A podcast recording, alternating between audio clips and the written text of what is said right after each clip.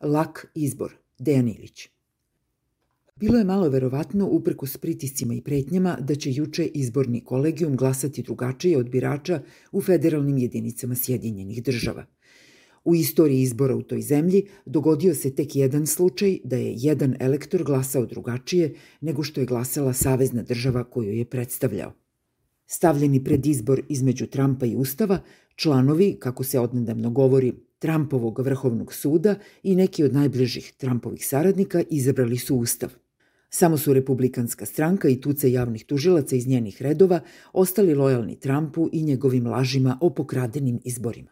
To da mu je stranka i dalje lojalna ostavlja Trumpu nadu da bi u januaru američki senat, gde republikanci imaju tesnu većinu, mogao da odbije da potvrdi rezultat predsjedničkih izbora iz novembra ali čak ni republikanci nisu tako čvrsta vojna formacija sa strogom subordinacijom.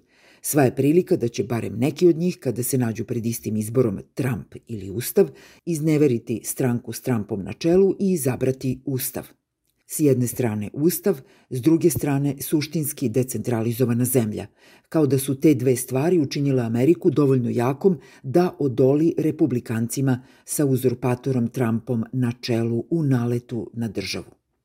Pa sada možemo da kažemo da je Amerika slika države sa institucijama iznad stranke. Srbija je pak primer za državu koju je, reklo bi se, sramotno lako pokorila stranka – To navodi na pomisao da bi jak Ustavni sud privržen Ustavu i institucionalno dosledno realizovana disperzija državne moći, da smo ih imali ovde, bila dovoljna brana za Vučića. Iz čega bi onda mogao da sledi još jedan važan izvod. Vučić nije uzrok propadanja Srbije, on je samo simptom, upotrebimo metaforu prikladno okolnostima, bolesti. Što sve zajedno vodi ka zaključku, nije dovoljno svrgnuti Vučića. Srbija se mora ustavno urediti i decentralizovati.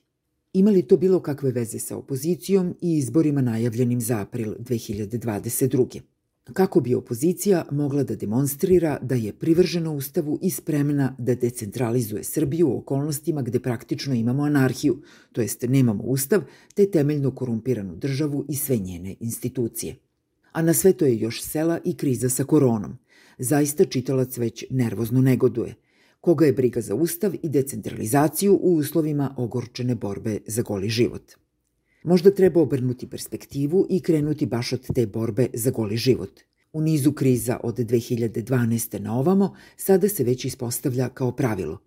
S jedne strane, država se pokazuje kao nemoćna i nesposobna da se nosi sa teškoćama – S druge strane, žitelji Srbije, ako baš hoćete, vođeni golim instinktom za preživljavanje, demonstriraju velike kapacitete za samoorganizovanje i poštovanje pravila ponašanja u interesu zajedničkog dobra. Mislim redom na lekare i prosvetne radnike, na primer. I jedni i drugi rade svoj posao uprko smerama nadležnih ministarstava, a ne zahvaljujući njima.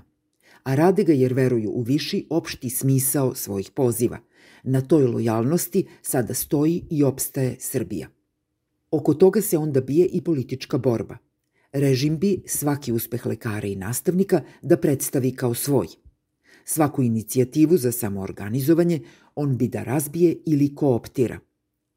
Resursi države ne troše se da bi se pomoglo recimo lekarima i nastavnicima, pa tako i žiteljima Srbije uopšte, nego naprotiv, da bi se njihov rad i kakav takav uspeh u borbi protiv zaraze sebično predstavili isključivo kao uspesi režima. U toj krajnje neravnopravnoj borbi lekari, nastavnici i žitelji Srbije za sada pobeđuju naprosto tako što su još tu. Ta borba onda mora biti osnova i za opozicioni rad. Praktično opozicija pred sobom ima dve opcije – da pomogne samoorganizovanje ili da ne smeta.